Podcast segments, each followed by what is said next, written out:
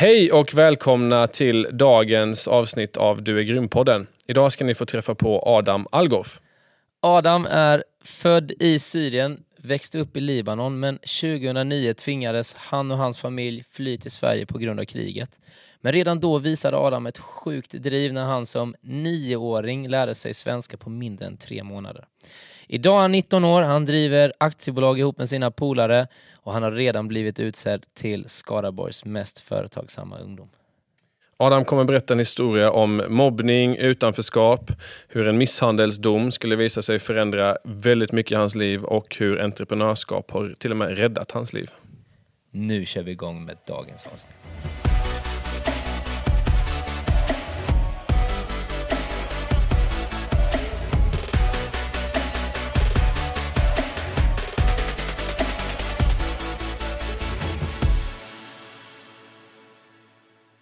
Då säger vi varmt välkommen till Du är grym-podden Adam Algorf. Tack så mycket. Tack för att få vara här. Hur är läget? Bara bra själva. Mm, jo, det är, det är bra. Det är fint. Ja. jag tycker också det är bra. Jag är taggad på det här avsnittet. Skönt. Ja. Jag med Eh, faktiskt. Ja. Hur, eh, vad, hur har din dag varit? Vad har du hittat på?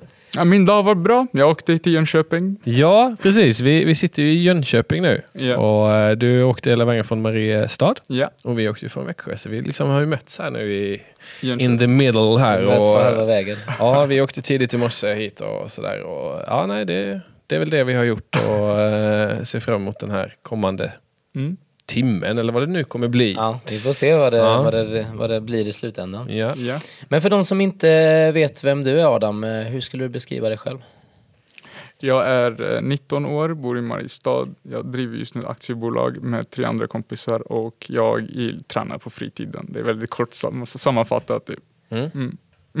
Eh, Du har ju blivit eh, utnämnd nyligen till eh, Skaraborgs mest företagsamma ungdom bland annat. Jajamän, 2018. Så att eh, det är ju ganska fet titel eh, att, att få skulle jag ju säga. Ja, Och vi kommer ju, vi kommer ju prata igenom eh, eh, och vägen dit. Men vi börjar från början. Du är född i Syrien jag är Och- född i Syrien. Ja. och uppväxt i Libanon. Jag, vi flyttade från Syrien 2006. Ja, Och sen flyttade till Libanon. Bodde i södra Libanon 2009 ungefär. Sen bestämde vi för att komma till Europa. just det. Så ni fick eh, egentligen fly till Sverige. Eh, ja, det började resan var ju att vi skulle till Frankrike först. Och där mina kusiner, eller stor släkt, bor där. Men det blev inte av så det blev Sverige istället. Just det, just det. Så en del av din skolgång, eh, den första delen kan man säga, gjorde du i Libanon. Eh, ja, blandat Syrien och Libanon. Om du jämför bara kort så skolan i, i Syrien, Libanon med hur skolan var i Sverige. Hur, eh, hur är, är det stor skillnad? Det är väldigt stor skillnad. Ja. Ja, miljön, eleverna, lärarna, allt. allt. På, vilket, på vilket sätt liksom? Mm, det är mycket mer bekvämare här och bättre alltså miljö för att lära sig. I, I våra länder är det inte lika miljövänligt, typ, eller alltså miljövänligt. Ja, Men ni förstår, det är alltså, bra ord ändå. Det är ja. inte så speciellt miljövänligt. Ja, det är ett eh, Det är om man nu tuff vill. miljö i, eh, alltså som, är det liksom, hur är lärarna jämfört med svenska lärare eller vad? Ja, de är lite, lite de är hårdare. ja. Och sen är det mycket, bland eleverna är det också mest att eh, folk bråkar väldigt mycket. Det är väldigt vanligt. Okej. Sen att någon glider ut med en kniv i skolan, det är väldigt vanligt. Oj. Okej. Det låter oskönt. Även Ja. inte, inte på den åldern hoppas jag, eller tänker jag, eh, upp till nio år. Du var nio år när du eh, lämnade Ja. den skolan om man säger så. Jag kan säga så här, jag har sett folk som är sjuåringar som går och glider runt med kniv Okej. i skolan. Oj. Ja. Ja, det är inte speciellt miljövänligt. Nej. kan man säga. alltså, som eh, klimatet som. väldigt långt ifrån eh, Sverige. ja, precis. Det är det. Så du, ni kom till Sverige 2009. Ja, Då är du nio år gammal ja, och kan inte ett enda ord på svenska. nej. Och på mindre än tre månader så lyckas du lära dig grunderna i svenska och börja prata svenska. Ja, grundsvenska ja. Tre månader tog det. Hur in i hela lyckas man göra det? Alltså det är egentligen, eh, minns du någonting av liksom hur, hur, du, hur det var? Ja, det är väldigt intressant. För det, det tycker jag eh, skolorna gör fel nu. Att de sätter, om invandrare kommer så sätter de ihop i så här små klasser, och sen klassrum, egna klassrum. Och sen försöker lära dem svenska. Men det, det de gör fel är att om du är ihopsatt med en annan arab, om jag är arab och ihopsatt med en annan arab, då kommer vi prata arabiska. Det kommer inte bli svenska. Skillnaden var att när jag kom hit så var det inte mycket invandrare, så jag blev inslängd i klassen direkt. Alltså i den svenska klassen. Så det var enklare att lära sig språket när man hörde språket hela tiden och var tvungen att prata språket. Men i början måste det varit jättejobbigt eller? Alltså, så Ja. för man, du förstod absolut ingenting. Ja, precis. Otrolig utmaning eh, kan jag tänka mig och utanförskap och... Ja, det var så. Men lärarna där jag var, jag, började i Aneby, flyttade vi in till Aneby. Så jag hade en lärare som hette Erik. Väldigt ja, mycket kärlek till Erik. Eh, han hjälpte mig lite extra i skolan i början. Okej, Så det var det. på vilket sätt? eller? Ja, men när alla, han gick, ja, efter eh, genomgången så kunde han komma och sätta sig bredvid mig och hjälpa mig för att komma igenom dag, eller förklara lite djupare. Typ. Just det. Så han hade en stor genomgång med alla och sen en lite mindre med dig. Precis, ja. Ja, det är ju väldigt ambitiöst. Mm, faktiskt. Och, och kanske det man vill att alla lärare ska göra. Ja. Eh, ja. Om kunna mm, mäkta med eller vad man säger också. Det, jag tror att det finns många som vill men har svårt att få, få energin att räcka till också. Mm. Men det är ju grymt av Erik då helt enkelt. Ja, Och, precis. eh, Men vad gick du då? Du gick du i femman när du kom hit? Fyran? Eh, femman, Femman. ja. Och så eh, en ganska kort visit innan det blev en flytt. Igen Eh. till Mariestad. Mariestad, ja. Jag bodde i Aneby ett år, ett, två månader tror jag. Just det. Sen flyttade jag till Mariestad. Just det. Så ganska kort och kommit till ny, nytt land, ny stad, ny klass, kan inte språket. Du lär dig grunderna i språket eh, och, och, eh, och så kanske hinner någonstans börja rota dig och så då rycker vi upp rötterna igen och så flyttar ni till Mariestad istället. Precis. Och du fick börja en ny klass igen. Ja, precis. Det, det var där allt. Ja, ny klass, ny skola. Och hur, eh, hur var det liksom? Var då började du i sexan där eller? Ja, stämmer bra där. Just det. Ja. Det var nytt, alltså ny stad, nya folk och så. Det är svårt att komma in, speciellt när det ja, ny i staden. Vem, vem- är du? Mm. Så det var lite tufft i början, men eh, man vände sig. Det var Rasmus, min första kompis. Han, han kom fram till mig så på rasten, typ dagen, näst andra dagen i skolan. kom han fram till mig. Tjena, det har inte jag träffat. Hej, Hej Rasmus heter jag. Hej Rasmus. Sen blev vi fortfarande vänner. är det så? Vad härligt. Ja, faktiskt. Rasmus, vad heter han med? Granbacke. Shoutout till Rasmus. Ja, Rasmus Granbacke. Ja, men det kom Okej, alltså, ja. så han kommer bara helt eh, apropå liksom och han vill liksom in, involvera, introducera dig i, eran klass liksom. Precis, och sen eh, lärde jag känna andra klassen genom Rasmus. Då, Mm. Som blev mycket enklare. Hur tror du det hade varit om han inte hade gjort det? Det hade varit svårt att komma in i klassen skulle jag tro. Igen. Mm. Det tror jag nog. För det var så att första klassen jag gick i Aneby så var det ingen som eh, ville komma fram som Rasmus. Så det var lite att jag var ensam hela tiden. Så.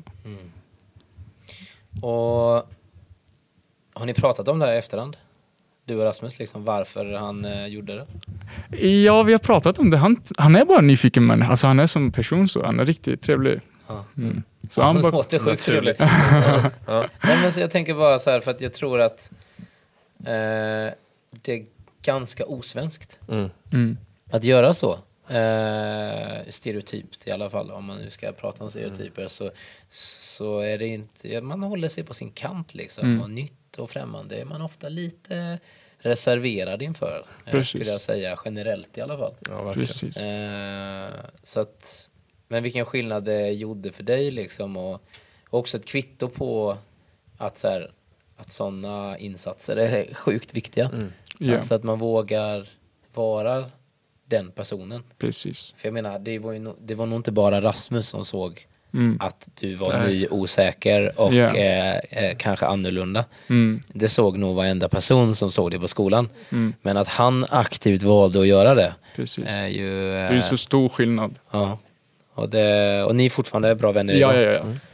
Det är ju, eh, ja, vilken eh, härlig story. Den ja är ju, faktiskt. Ja, så det var sexan och ni, ni eh, det var, visst var skolan, eller var det så att man gick i mellanstadiet och sen bytte man till högstadiet i sjuan eller hur? Var, liksom all, var sexan ihopslagen med högstadiet eller hur var det på din skola? Eh, Jag gick ju på Lockerudsskolan i Mariestad. Så, så det var från ettan till sexan. Så de har ju gått ihop hela, alltså alla dessa år. Så att jag kommer in sista året där var ju inte så lätt att komma in då. Och sen när vi flyttade till eh, högstadiet då, från sjuan till nian. Där var, fick vi uppdelade klassrum och så. Men då hamnade jag med Rasmus igen som tur. Då. Just det, just det. Det var typ som man fick önska vem man skulle vara. Eller bara, det slumpen eller? Det var helt slump. Ja, shit. Då var det Ja, ännu det mer var tur. Ja. Ja, det har jag tänkt på. Får man fortfarande göra det? Alltså när jag var, eh, gick i sexan till sjuan då, så fick jag så här, fylla i tre namn, vill Ja, jag det minnas. var samma för oss. Vi Ja. kryssade, Ah. vi kryssade Ja. på en sån här önskelista. Eh, det typ. funkar inte så fortfarande eller? Ja, ja kanske. Jag, vet, jag fick inte göra det i alla Nej. fall. Eller jag gjorde inte det i alla fall. Nej.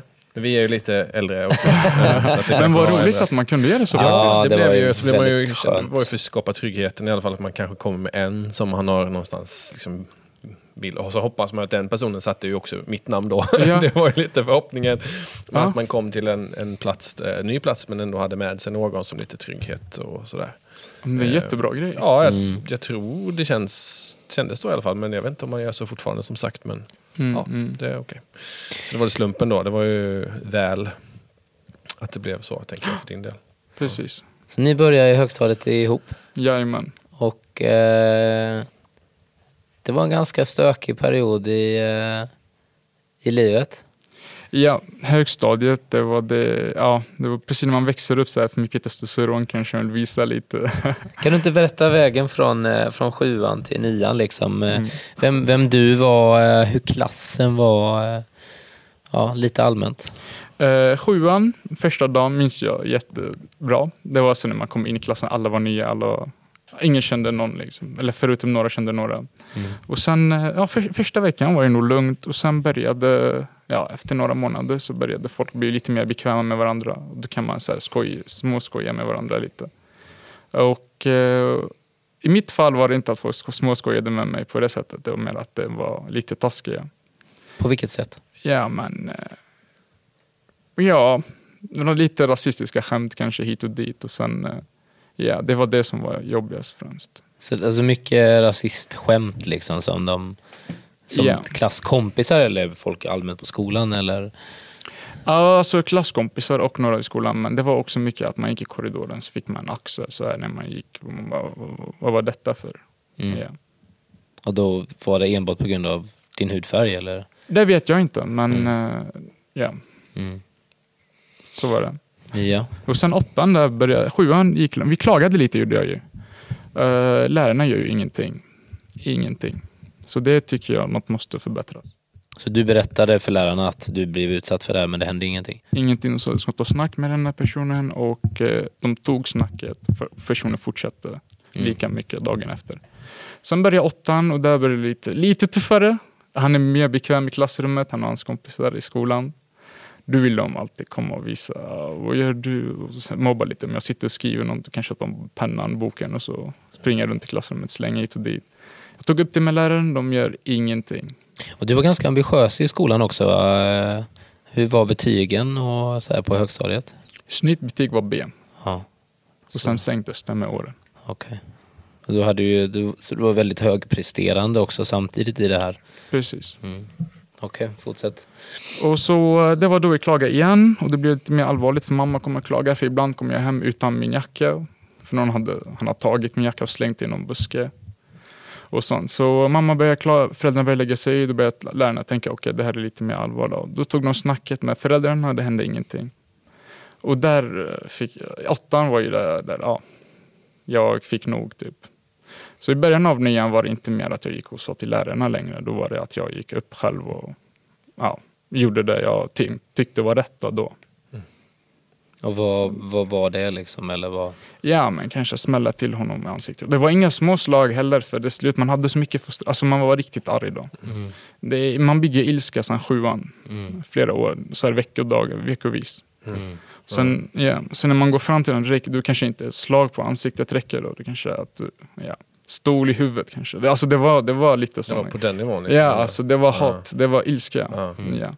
Så du, det här har liksom pågått sedan sjuan och Eh, du har sagt till eh, lärarna, ni har liksom då eh, liksom undvikit de här personerna, dina föräldrar har varit liksom på och berättat om det här problemet och ingenting händer. Ingenting händer. Ingenting händer. Alltså det är så här, eh, även om så här, vi alla vet att det här är fel så, för, så kan det också finnas en förståelse för att någonstans så här, ja, vad ska jag göra då? Ja. Så som du också beskriver att så här, till slut så det rann över liksom. Mm. Men det tycker jag, alltså om lärarna hade lite, om de hade agerat som första, sen första gången någon klagade. För jag hade inte gått och klagat bara för att liksom. Jag klagar för jag inte känner mig trygg i skolan. Mm. Och eh, om de hade gjort något där jag tror inte jag skulle behöva göra något Vad själv. tänker du att de hade behövt göra? Alltså sådär, vad... Ja, De här ungarna var inte bara taskiga mot mig, de var taskiga mot um, flera i skolan. Då. Så många har klagat på deras sida från, alltså, klagat på dessa elever, men det har inte hjälpt någonting. Det de kunde ha gjort i alla fall är kanske flytta dem där, från klassen eller jag vet det, inte. var, det låter som att de var typ tre, fyra stycken som, som var som ett litet... En grupp som tyckte att de kunde göra lite som de ville ungefär. Det, det är så Ja, lite större än tre, fyra Ja, kanske. Så man kunde dela upp dem i tre olika klasser. till Typ, exempel, ungefär, eller så. ja. Det skulle kunna Ja. kanske vara ett, Mm. ett sätt. Mm. Mm. Ja, något sånt. Ja. Mm. Det Ja. måste vara jättesvårt. Eh, som skola och personal tänker jag också. Och sådär, och, och ta hand om sånt. Ja, och det fick ju ganska eh, jobbiga konsekvenser för dig om man tänker först så du har försökt säga till, ingenting händer. Det slutar med att du själv gör någonting åt det. Eh, och vad gör, vad gör skolan då liksom? När ni hamnar i slagsmål och när... Mm. Det var så att eh, när inte skolan reagerade då fick jag ta tag i sakerna själv. Då, för det, ja, det var enda som kunde funka kanske. Så när det hamnade i bråk så blev det direkt att okej, nu har, jag heter Mohammed då. Så nu har Mohammed hamnat i bråk så nu ska vi ta ett samtal med honom. Ah, du får inte bete dig så. Nej men han får bete sig så. Va? Ah, men han pratar, han använder inte våld. Nej okej. Okej, ja, Sen precis. nästa gång, alltså grejen är att det var inte bara att vi bråkade en gång per vecka. Det var lite alltså att det var listan, alltså Dagligen. tre gånger per vecka minst. Ja. Och då blev det så till slut att jag blev avstängd första gången, två dagar. Torsdag, fredag var det. Sen andra gången blev jag avstängd en vecka. Tredje gången avstängd två veckor. Sen, eh, ja, det var då min prestation började gå ner i skolan. Mm. Vad är vi nu i slutet på nian eller? Jag har slutat i nian, ja, första terminen av nian. Mm. Ja. Så höstterminen där ja. Mm. Ja. Kanske viktigaste. Mm. Viktigaste terminerna på hela, hela grundskolan. Precis. Två sista och då var det detta som tog upp din tid liksom och energi. Mm. Mm. Men sen eh, flyttade de, här- de här grabbarna från eh, skolan. För de fick, okej, de såg att detta fungerar inte så. Så då ändrades läget andra terminen. Det blev lite bättre. Mm. Mycket bättre. Mm. Alltså de, de gjorde till slut någonting åt det. Ja, de var tvungna. Alltså det, det såg inte bra ut längre. Just det.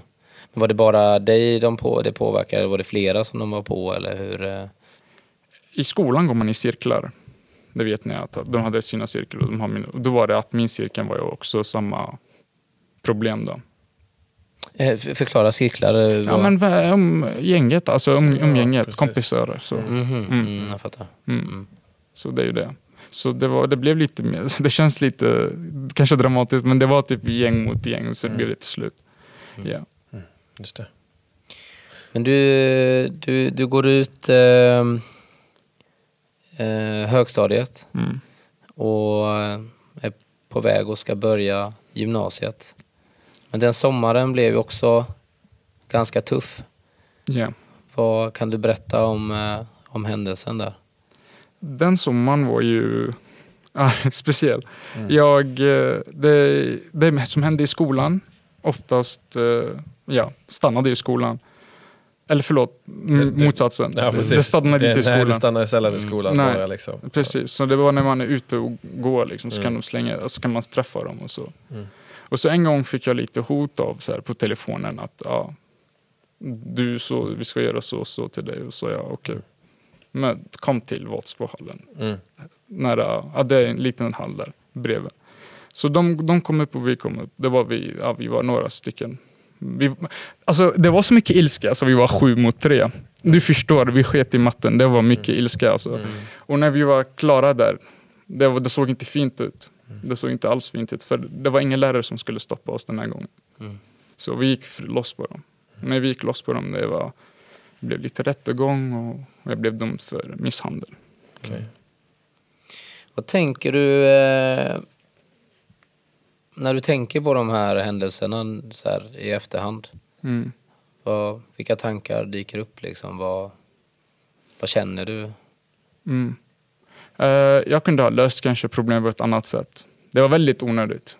Kanske, ja. Men eh, jag kan förstå varför jag gjorde det då. Det, det, var, det, så det är det, alltså mycket ilska byggs ju upp med tiden och så. Då blir det inte lika fint längre. Mm. Du dömdes till samhällstjänst. Fick, eh, Fick 40 timmars samhällstjänst. Fick gå runt och städa i Mariestad kommun och Ja. göra kartonger till Systembolaget. Och så. Okej. det var intressant men ja, det var kanske ett långtråkigt. Mm. Vad tar du för lärdom av, av alla de här händelserna? Och av att du faktiskt blev dömd och så här, vad, Ja, det ändrade mycket. Den domen ändrade väldigt mycket i mitt liv för att eh, vi, kan, vi kommer till det kanske senare under podden, men eh, den påverkade framtiden väldigt mycket. Alltså då kände jag ingen skillnad. Ah, jag blev dömd, okej, vad? Men sen när jag fyllde 18 och dags att söka jobb, Mm. och då var det något helt annat. Okej, du var dömd för misshandel tre år. Mm. mm. Precis. Och så, ja, så blev jag nekad väldigt mycket. Mm. Speciellt när jag skulle jobba med människor. Det. Mm. Ja, ja, vi kommer ju komma tillbaka till det lite senare, men eh, jag tänker vi tar oss vidare. Det här har precis hänt eh, under sommaren och, och du har fått den här domen på dig. Ja. Och det var ju en ganska an, en del annan skit också som hände i, i närtid där eh, under gymnasietiden. Och det, var ju, det fanns ju en ganska stor risk att saker kunde gått riktigt illa. Eh, och att du ha- kunde hamnat på helt fel spår i livet egentligen. Mm. Eh, men jag vet att du vid något tillfälle har sagt att, att uh, Ung Drive räddade mitt liv. Jag Jag, tänkte vi skulle prata lite om det, vad, eh, vad det har betytt för dig. Jo, eh, om vi börjar där. Gymnasiet var lite annorlunda för man var trött på skolan. Och man, man förväntade, ja, jag flyttade ju stad förresten. Jag kunde inte plugga i Mariestad. För om jag hade, det gick inte att vara i samma stad som Mm. samma folk som jag har problem med. Mm. Så jag flyttade till Skövde så jag pendlade varje morgon bara för att slippa detta människor. Ja. Ni förstår, det påverkar ju Mm. att vakna två timmar tidigare än alla andra också. Men eh, jag pendlade till. Det var Skövde jag gick i. Och sen IT-gymnasiet. Då, då var det skönt. Det var inte mycket. Det var så här normfri skola. Alltså det var riktigt bra skola. Mm. Ingen mobbar, ingenting. Men jag hade redan hamnat i fel spår sen tidigare. Så det var lite att det fortsatte på fel spår under gymnasiet. Och sen eh, en dag, tvåan, tvåan var det jag, ha- satt vi på en jättetråkig mattelektion. Och jag tyckte det var mer intressant att scrolla igenom telefonen. Mm. Så kommer en man som är väldigt glad och energifull. Och jag bara, nej vad jobbig han är. Glider in i lektionen så här, nej jag pallar inte. Och sen han går in och bara, tjena tjena, Andreas Wilhelmsson heter jag. Shoutout till Andreas förresten. Andreas Wilhelmsson heter jag och jag ska förklara lite om Ungdrive. Då förklarar han vad Ungdrive var. Och det lockade inte mig någonting till sist han sa att ja, men han tjänar 70 000 kronor och han tjänar 55 000 kronor på en sommar. Och detta, det var då jag tog ner telefonen. 70 000? Vad sa du? Och då var det, ja 70 000, han, han fixar bilar och så. Han var 17 år. Jag bara, okej, hur ansöker man? Ungdriveslös ansök. Mm. Så ja, då ansökte jag på plats. Och då blev jag tagen. Till antagen. Mm. Och det var då hela sp- spåret på livet ändras helt. För vem, jag hade aldrig tänkt att jag skulle bli företagare. Va, vad är det ens företagare? Liksom? För mig, ja, jag ville bara skaffa ett bra jobb och bara sitta Vad hemma. var din bild av företagare vid den tidpunkten? Kommer du ihåg det? Eh, jobbigt. Alltså man förväntar sig att det ska vara väldigt jobbigt och mycket att göra och stress och så. Mm. Så man eh, ville inte i den spåret liksom. Mm. Mm. Men sen eh, upptäckte man att man gör det man tycker är kul. Mm. Så det är inte jobbigt. Mm. Ja, precis. Sen, eh, jag har jobbat på ett vanligt jobb, restaurang tidigare. Så jag jobbade 40 timmar per vecka och det var riktigt jobbigt. Men nu jobbar jag 100 timmar per vecka och det är inte jobbigt alls. Ja, Just det. det är ju också en fantastisk matematik. Ja, faktiskt. Alltså du kom med i Ung Drive Ja. och eh, minns du vad ni gjorde liksom? Och, Mhm. Jag och en klasskompis startade ett techbolag. Vi, eh, vi fixar, hjälper folk med datorer och så. Det var då jag upptäckte att okej, vi kan använda det drivet jag har till något bättre. Typ kanske hjälpa människor och få lite pengar för det, varför inte? Eh, jag och Nils satsade då på 6 000 kronor. Att vi skulle få, det var Nils han jag startade företaget med. Eh, vi hade mål som 6 000 kronor under en hel sommar. Eh, första veckan gick segt. Och sen när vi kom ut på tidningen smällde det. Så på tre veckor hade vi omsatt 15 000. Och det var det. Jag behövde inte jobba något mer resten av sommaren. Det var tre veckor. Men okej, vänta, vänta, vi måste stoppa bandet här och bara. Så här, okej, Första veckan gick det rätt dåligt. Vad innebär Ja. det? Liksom? Vad, vad, hur var första veckan? Och det är efter den här kick-off-veckan då. Vad, vad, gjorde, vad, vad, vad gjorde ni den veckan? Mm. Vi försökte hitta kunder. Så det var mycket att skriva ut till folk. Bara så här, tjena, tjena, är du intresserad? Tjena, tjena, har du telefon? Ringa upp folk. Så här. Men det hjälpte inte. Så vi försökte sälja, men det man ska göra är marknadsföra istället. Och då gick vi ut i tidningar och så här, la annonser istället på Facebook och Instagram. Och, så. och det gav mycket bättre resultat. Just det, ni fick någon tidningsartikel med eller? Var Ja, det? precis. Några Som- stycken. Ni var med i tidningen också. Ja. Och helt plötsligt så ramlade jobben in. Ja, precis. Det var sjukt. För det var en... Först började, jag hade lagt typ i Skaraborg. Så ringer en som heter Peter från Falköping och tjena, tjena, är det, är det du som fixar telefon? Jag har så här trasig iPhone. Och jag hade ingen aning hur man fixar telefon. Så jag sa, ja, jag fixar telefon. Och sen jag gick och hämtade telefonen. Jag satt så här, jag bara, hur fan ska jag fixa telefonen? sen jag bara, okej, YouTube finns. Så jag lärde mig hur man fixar telefon från YouTube faktiskt. Det är lite ironiskt, men så är det. Så jag... Fråga, fråga Janne hur han började lära sig DJa. Det, det är via Youtube. Ja. Också? Ja. Härligt. Fett. Ja, det. Kunskapen finns där ju. Ja, Ja. eller Ja, berätta. Fortsätt. Ja, men då lärde jag mig byta skärmar på... eh, Så egentligen jag testade första gången på en kundstelefon. Tänk om det hade gått snett. Då hade jag fått, det hade varit dyrt. Men det gick ju inte snett, så det gick ju bra. Och sen jag fick mina första 800 kronor. Jag bara, oh shit. Detta var, tog mig 20 minuter att göra. Ja. Det är nästan en hel dags arbete för vissa. 800 kronor. Ja, Ja. visst. Visst är det så. Ja, så det var då uh, entreprenörskap uh, lockade väldigt hårt. Och ändra lite spår på livet. Ja, du känner ju liksom att du har, som du sa nyss, här, mitt driv. Jag fick utlopp för mitt driv någonstans, eller den energin du har Mm. eh, genom detta. Att här kunde du då liksom få sätta dig in i någonting och, och hjälpa och göra någonting bra av det istället för att kanske då, som du mycket gjorde då, liksom det här med din bakgrund med misshandel och annat och Mm. frustration och liksom att då kunna hitta något som, Ej, det här, det här gillar jag och det här kan jag tjäna pengar på. För det är ju Mm. uppenbart att det också har varit en drivkraft i dig. Ja. Att, att liksom kunna tjäna pengar och kunna, ja, Mm. som, som vi alla någonstans inne, inne tror jag har. Det är ju så världen är uppbyggd, att vi Ja. behöver tjäna pengar. Ja. Sen är det olika, olika grad av Mm. driv av kring just det. Då. Det finns ju Mm. många olika saker som, som gör att vi, vi jobbar och så vidare. Va? Men, men då hittade du någonting därigenom som, som gjorde att ah, det här, det här Precis. kan jag bli bra på, det här kan Ja. jag tjäna mycket pengar på. Ja, precis. Ja. Okay. Det var din idé, din upplärning. Alltså, du gjorde, man gjorde allt själv. Mm. Det var mycket skönare för okej, jag jobbar i ett system som jag har skapat.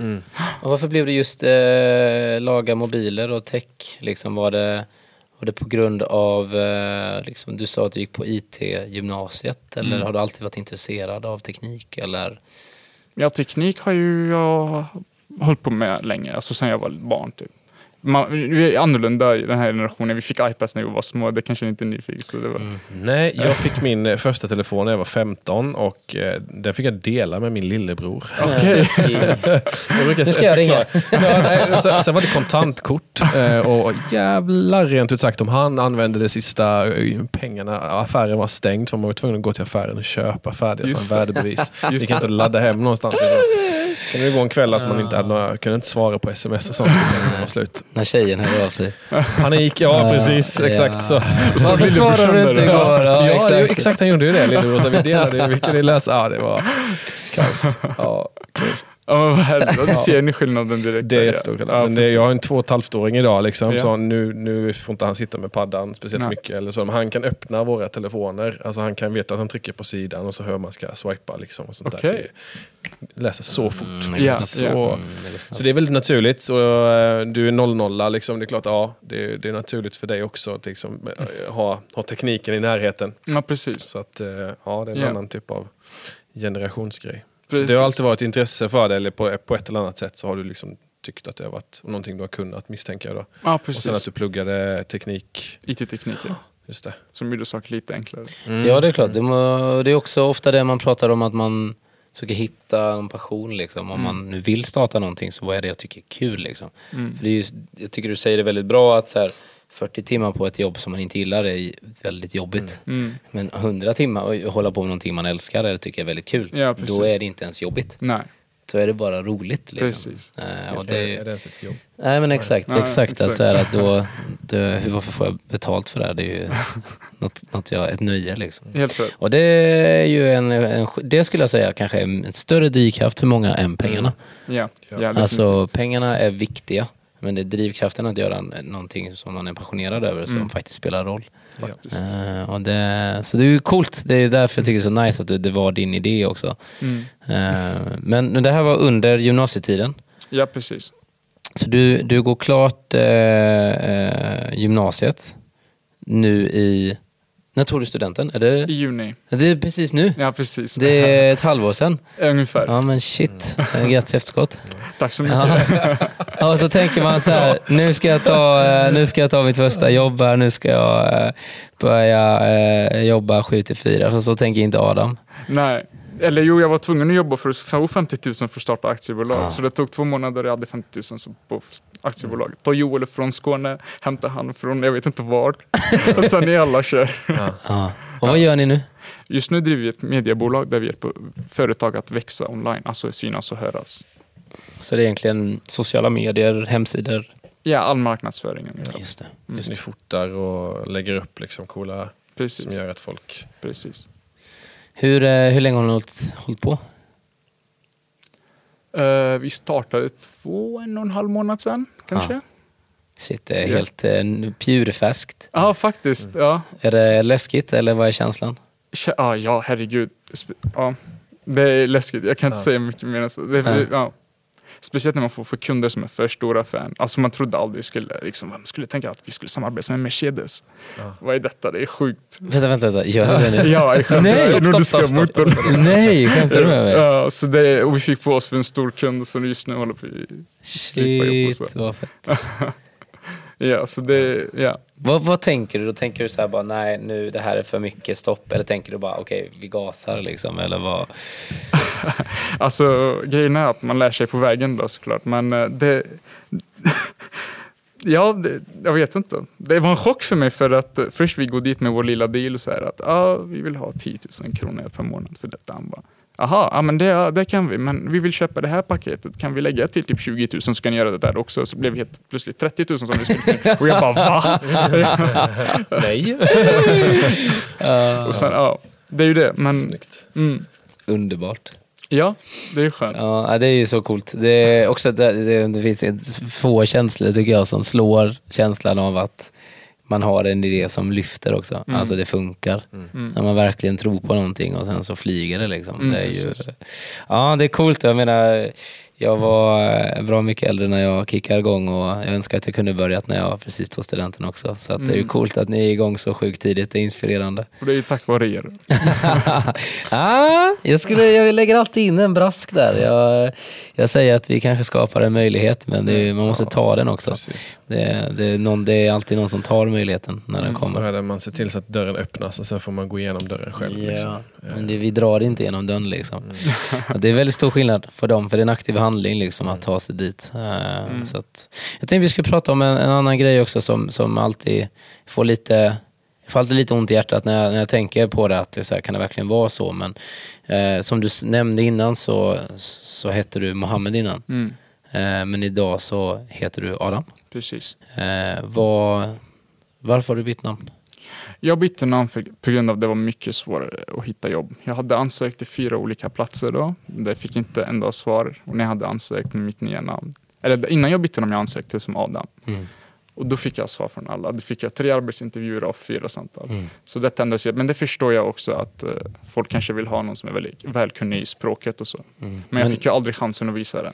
Nej precis, och det är det jag tycker så här, ja, ja det är givetvis vill man ju det, Mm. men bara för att du heter Mohammed så betyder inte det att du inte kan prata eh, Svenska. bra, bra svenska. Så det är ju, och det är sånt där, det blir, jag tycker alltid det gör, jag, fan jag blir alltid lite ledsen alltså när jag hör det. Jag, man tänker att så här, ja, förr var det nog så men det har försvunnit. Men så blir man påmind varje gång att så här, nej, det har inte det. Nej. Eh, så att det... Eh, ja, och det är ju... Men det, visst var det också så att det är ditt andra namn, Adam? Eh, andra Från- namn var ju mellannamnet. Ja, mellannamnet, Ja, precis. precis, Så att det var... Så jag bytte mellan mellannamnet och förnamnet. Exakt. Så jag heter Adam Mohammed för ser just, det, Adam. just det, så du egentligen bytte tilltalsnamn. Ja, precis. Just det. Ja, och det är ju... Eh, på något sätt då så tänker jag också att man kan ju välja att typ vara förbannad på att det är så Mm. och liksom mm, kla, klaga på det. Eller så kan man vara företagsam, så in i bänken och bara, men okej, jag Ja. byter tilltalsnamn här nu. För jag ville skapa så bra förutsättningar som möjligt för mig själv. Mm. Jag tycker det här är för jävligt på ren svenska. Men jag väljer ändå att göra någonting åt det. Ja, precis. Eh, vilket du har gjort. Jag hade ingen idé att klaga, bara alltså, inte göra något åt saken. Exakt. Så, så här, ja, det säger ju också ganska mycket om dig. Liksom.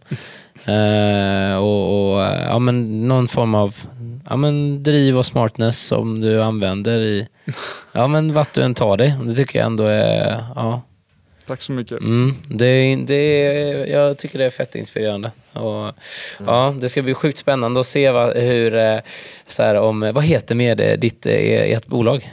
Five Stars Media. Five Stars Media. Jajamän. Så det, det är så coolt om så här fem, tio år när vi eh, när, man, när man ser liksom att eh, eh, börsnoteras och Ja, eh, eh, omsättningen har eh, 50-dubblats och eh, 20 anställda och, och så, här, så kan vi liksom sitta här och komma ihåg att ja, men vi, vi intervjuade Adam när eh, det hade gått en och en halv månad Ja, sen han startade. Jag är lite nyfiken på just det här med drivkraften. Som, så här, som nioåring läser språket och sådär. Ha- Alltså, du bör, I mitt huvud så har du något typ av mindset som, som kanske är helt naturligt för dig. Men hur tänker du någonsin på det själv? Att, att det här drivet och du är annorlunda om man nu säger så kanske mot många andra liksom som ja, men, trots allt 19 bast och starta aktiebolag och ja, titta jag byter namn och, och jag skulle bara spara ihop det, jag får ta det jobbet. Så, alltså, du, du, du är en doer liksom på det sättet. Ja, det var kanske på grund av mina föräldrar. Det är nog det kanske. Okej. Det är mycket sånt att ja, mina föräldrar har varit på en när man var ung väldigt mycket. Ja, men gör det här, gör det här, gör det här. Ja, men varför inte testa det här, gör det här, gör det här. Så det blev till slut, okej, ska jag, tänker jag på någonting så gör jag direkt. Mm. Så ja, det är bättre också. Så de har uppmuntrat väldigt mycket att, Mm. att prova, våga, testa, köra. Ja. Så. Eller Okej. ja, inte företagandet för de är väldigt emot den just nu. Men när, Ah, man, okej. ja, när de ser att detta Ja. fungerar nu på riktigt så det ändras Ja. lite. Ja, precis. Varför tror du de är emot det? Det är ju spännande. Ja, det var först jag kom till mamma och bara, känner jag startat aktiebolag nu? Hon bara, va? du ska ju gå högskola så lovade du. Ja men, ja, men jag tycker det här, eh, testa på ett år så se vad som händer. Hon bara, ja men då har du slösat bort pengar och då har du gjort det här, du har gjort det här, det här, det här, det här. Okej, okej, okej, ja mamma jag fattar. Ja, sen gick jag till pappa, pappa jag startat aktiebolag. Va? Du skulle gå högskola ju. Och sen bara det här och sen samma snack nästan. Ja. Ja. Och vad är det egentligen man hör mellan raderna? Jag hör oro i alla fall. Ja. Och vad är det man är orolig för? Jo, för att du ska göra någonting som är rätt modigt att göra. Och, Ja, det innebär ju en risk. Ja. Så det gör. och det, är så, här- det, är, det är så många som, som, som, som färgar av sin egen oro Ja. och rädsla för att misslyckas på andra, på sin omgivning. Och särskilt tror jag föräldrar till barn. Det är Ja. just supervanligt liksom. Eh, och, så att så här, eh, det är en ganska, oftast en ganska normal reaktion. Mm, Speciellt mm. om de själva inte har drivit ja, eh, företag. Mm. Så att, eh, ja. Jag tror du kommer bevisa dem att eh, du är rätt väg, tar rätt val. Det får vi hoppas. Ja. Eh, jag tänker...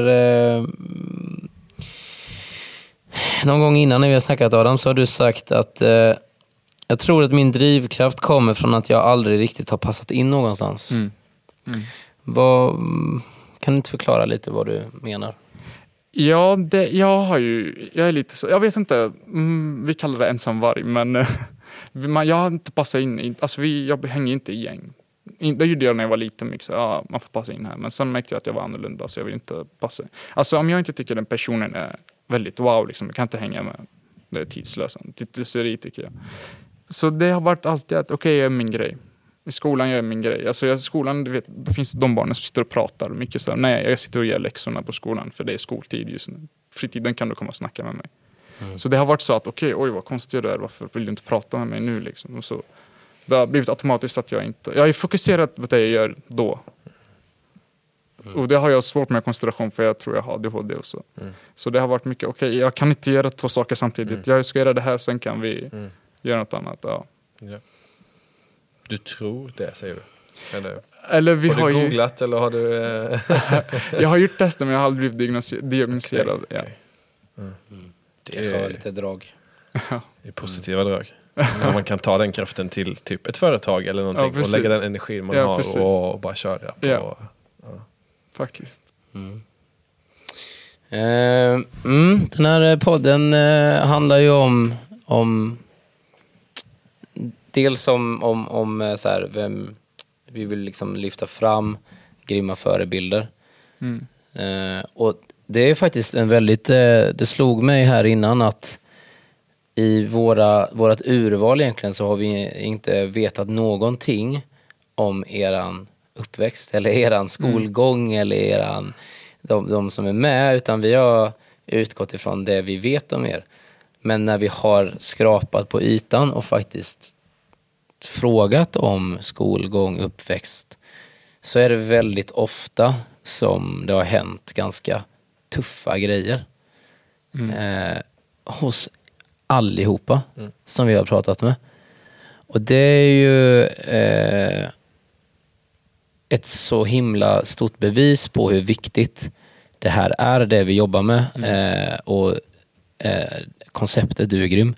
Hur jäkla viktigt det är och att vi verkligen försöker att förändra det som är.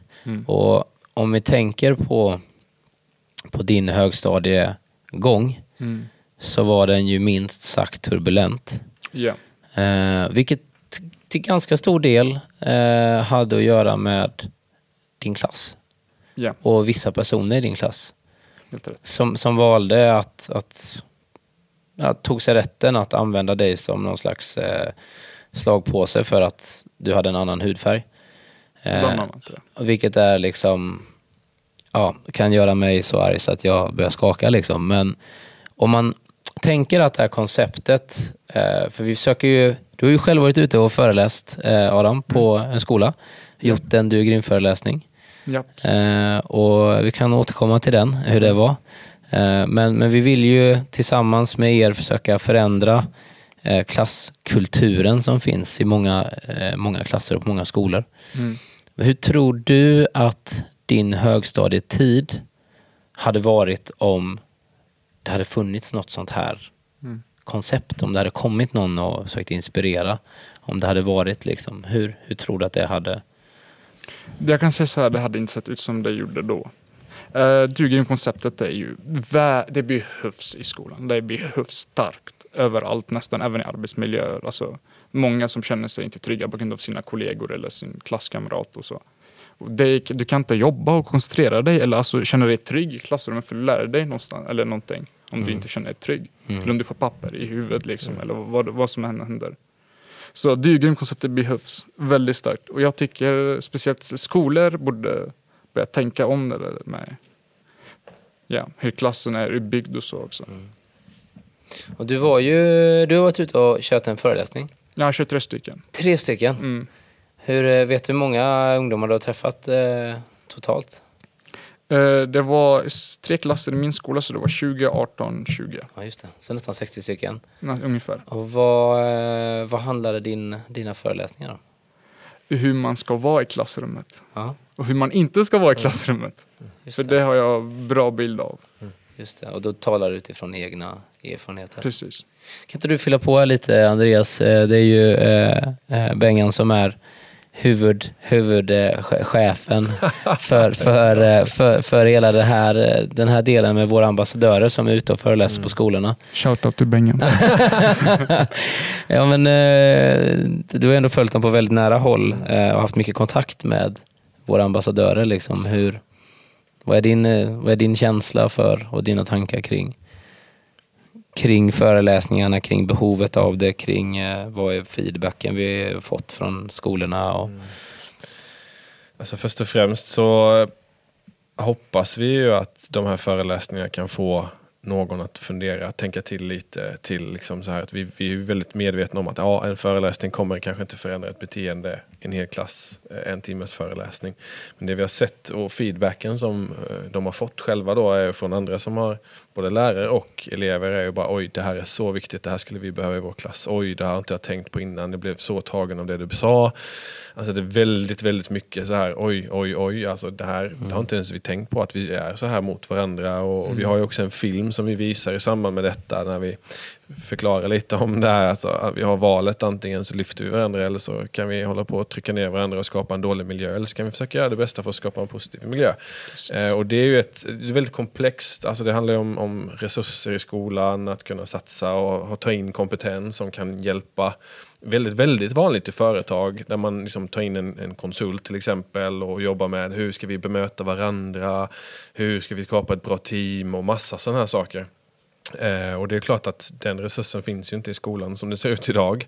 Men det kanske är någonting man skulle behöva satsa på för den får man tillbaka i, i, i, i längre fram, eh, skulle jag vilja säga. Eh, mycket det här med alltså, kuratorer och annat, psykisk ohälsa överhuvudtaget, eh, beror ju till viss del också på att man inte vill gå till klassen eller skolan för att det är stökigt eller det är sån hög miljö. Eller att man, berätt, alltså, man, man är elak mot varandra helt enkelt. Eh, och jag gillar liksom, ja men de är ungdomar, de är sådana. Jag, jag vill inte riktigt köpa det. Att, det att det är så. Boys will be boys, säger man. Så bara, nej, nej, tycker inte jag. Eh, självklart det här med, som du säger, med testosteronnivåer och annat som händer i kroppen och det är puberteter och allt som gör att man har svårt att koncentrera sig kanske. Eller, ja, sådär. Det är en process, absolut.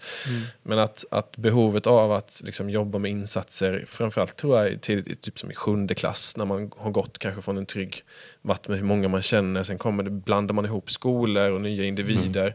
Att jobba med klassen tidigt, eh, sjuan, kanske ett, ett halvår. Liksom. Och det behöver inte vara super, det behöver inte vara någon högutbildad konsult som kommer in och är värsta beteendevetaren. Det kan vara små, små saker som ändå gör att klassen, man skapar, försöker skapa förutsättningar för att det ska bli liksom ändå en, en schysst miljö. Jag vet att det är många klasser och många skolor som jobbar på olika sätt med det här. Så att det, vi är ju inte först på något vis, eller nya liksom. Utan det, men behovet är jättestort och man märker det från, från lärare också. Att ni kommer gärna tillbaka och, och sådär. Det här skulle vi vilja göra för hela skolan. Hur kan vi få till detta? Och sådär. Så att, ja, det, det är en, en jättefråga för mig också såklart. Jag vill ju att när min son börjar högstadiet eller gymnasiet att då ska det vara alla klasser. Var vi än sätter honom så ska det vara då ska det vara du är grym-aura över alla klasserna. Eh, så att, ja, eh, jag tycker det... Mm, jag vet att många vill och många gör väldigt mycket. Eh, men bra kan alltid bli bättre. Liksom. Så att, eh, det är jättetråkigt att höra liksom, du sitter och berättar att du liksom, ja, sträckte ut handen, ville ha hjälp, ville ha hjälp, ville ha hjälp. Till slut så bara, nej nu, nu, nu fixar inte jag detta mer och så måste det bli så här.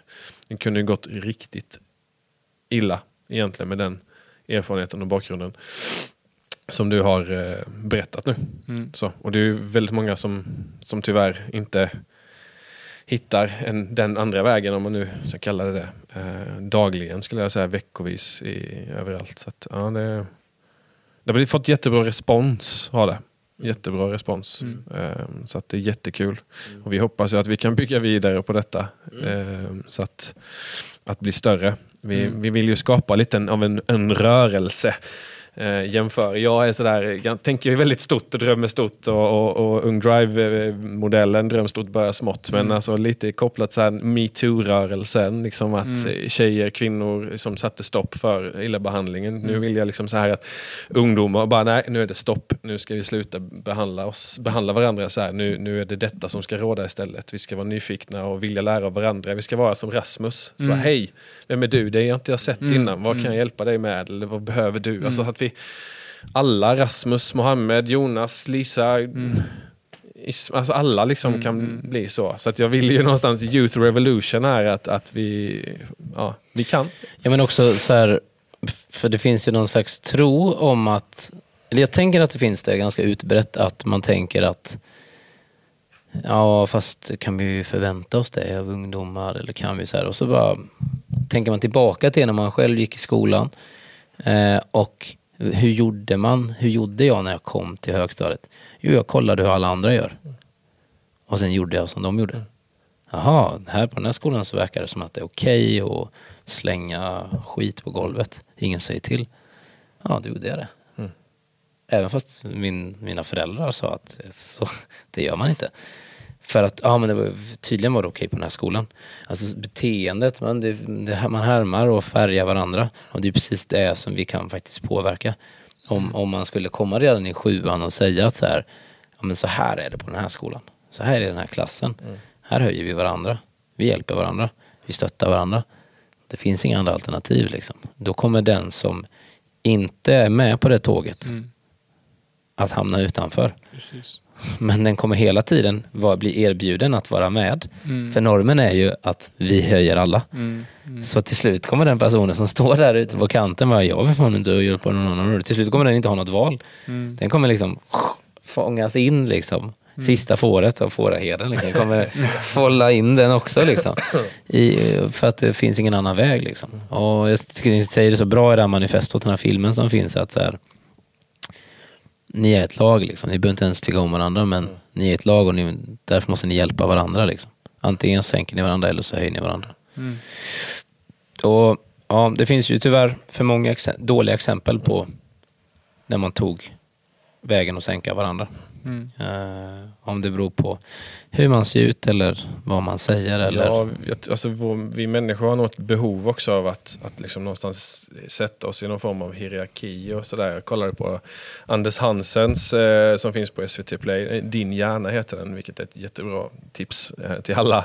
Men just det här med aggressiva bilförare och sådär. Att man ah, skäller på den, skäller på den och säger åt den för då, då sätter jag ju mig över den här personen att jag är en bättre bilförare för att jag är, en- blinkar ju när jag kör till exempel. mm. Här, vi har ett behov av att sätta oss i rank eller Mm, hierarki eh, sådär, eh, mot andra människor. Så det, är väldigt, det är väldigt naturligt och förklarligt men det behöver inte innebära att vi, vi ska säga eller bete oss eller liksom till och med ta till misshandel, liksom, kasta Mm. stolar mot folk och hålla på. Det är Mm. liksom, självklart kan man bli oense om saker och, och vilja hävda sig men att, att grunden ska vara bra, att jag vill hjälpa och Mm. sådär. Sen, det är dit man, jag vill komma. Eh, Och jag, jag är naiv nog att tro att vi kan, kan komma dit också. Liksom. Mm, Det har man ju mm. sett på så många ställen. Så att, eh, klart som fan, rent ut sagt. Vi, sen om detta kommer vara, eller om det, detta är en liten pusselbit av det hela, I don't know. Men eh, ja, dröm stort, Mm. börja smått. Och vi har ju börjat smått i det här nu. Så att vi är ju inne på 34 stycken eh, ambassadörer som är ute och föreläser. I Och, första vändan, ja precis. Mm. Ja, det är Så. grymt. Vad härligt. Mm. Jag tänkte vi från skulle... Haparanda i norr till Malmö i söder. Så vi är worldwide, höll jag på att säga nästan, men eh, hela Sverige. Sweden wide i alla fall. det är så härligt med att få sådana här eh, meddelanden från um, ambassadör, ambassadörerna varit ute och föreläst. Wow, det var så gött! Liksom. Jag fick så bra respons, jag vill ju tillbaka. Och så här, det är jättehärligt för, för mig som, som följer det på nära håll. Mm. Grymt. Eh, jag tänkte vi skulle avsluta eh, med eh, våran eh, tidsresa, som vi kallar den. Vi, eh, vi, vi, vi skickar tillbaka Adam till Mohammed då, Mm. eh, i, i sjuan. Och all den erfarenheten, alla lärdomar, allt du gått igenom. Mm. Och, eh, vilket är ganska mycket på de här åren. Fem, fem, sex åren. Vad, eh, Vad, om du fick säga tre tips till dig själv. Till Mohammed i sjuan liksom. Vad, vad hade du sagt då? Att först ta lite lugnt innan du tar något beslut, det hade varit bra. Om jag hade bara skitit i den där hotet eller något sånt, då hade jag inte ens varit dum. Då hade jag haft det jobbet jag ville ha. Så det, ja, det är ett nummer ett, absolut. Alltså typ tänka efter före. Tänk efter, ja. Mm. Mm. Och sen två, oj då, de här två har jag inte tänkt på. Eh, eh, ja, men att pengar är väl inte allt också. Det var det man jagade väldigt mycket när man var liten. Mm. Ja, och eh, att man ska vara snäll mot alla. Ödmjuk. Var du inte det själv i sjuan liksom, eller i högstadiet? Kan du minnas tillbaka liksom att du... Var du också en av dem som ibland kunde slänga iväg någon elak grej eller vad? Nej, inte, ja, det är väl alla någon gång. Mm. Så mer, mer snäll. Ja, precis. Mm. Och det är, med så här facit hand, det är jättesvårt också liksom, att vara snäll när man blir utsatt för Ja, alltså det, ja precis, så. det var det. Det är jättesvårt, absolut. Men det, man har ändå val och kan göra andra saker. Det är Precis. inte alltid, som du säger, att kasta stolen kanske inte är det, det, är det man vill, men det kanske inte är det bästa just nu ändå. Mm. Liksom. Eh, mm, Det är mina tre saker. mm. Mm. Jättebra sak. Gillar den. eh, Ja, ja men nice. Om man, eh, om man vill få tag eh, på dig, komma i kontakt med dig, eh, skicka lite pepp eller tacka för en schysst föreläsning eller kanske anställa dig som och, och Five Star Media. Hur, hur får man tag på dig då? Min Instagram Adam understreck Algorf. A-L-G-O-R-F. Adam understreck Algoff. Mm. Och det är bara att skicka DM så kan man skriva till dig. Ja. Och ni finns, eh, Five Star Media finns på, är det hemsida eller kör ni Facebook-sida eller hur? eh, hur? Allting. Facebook, ja. hemsidor, Instagram. Så Five Star som fem stjärnor. Ja, det är bara femstjärnig kvalitet.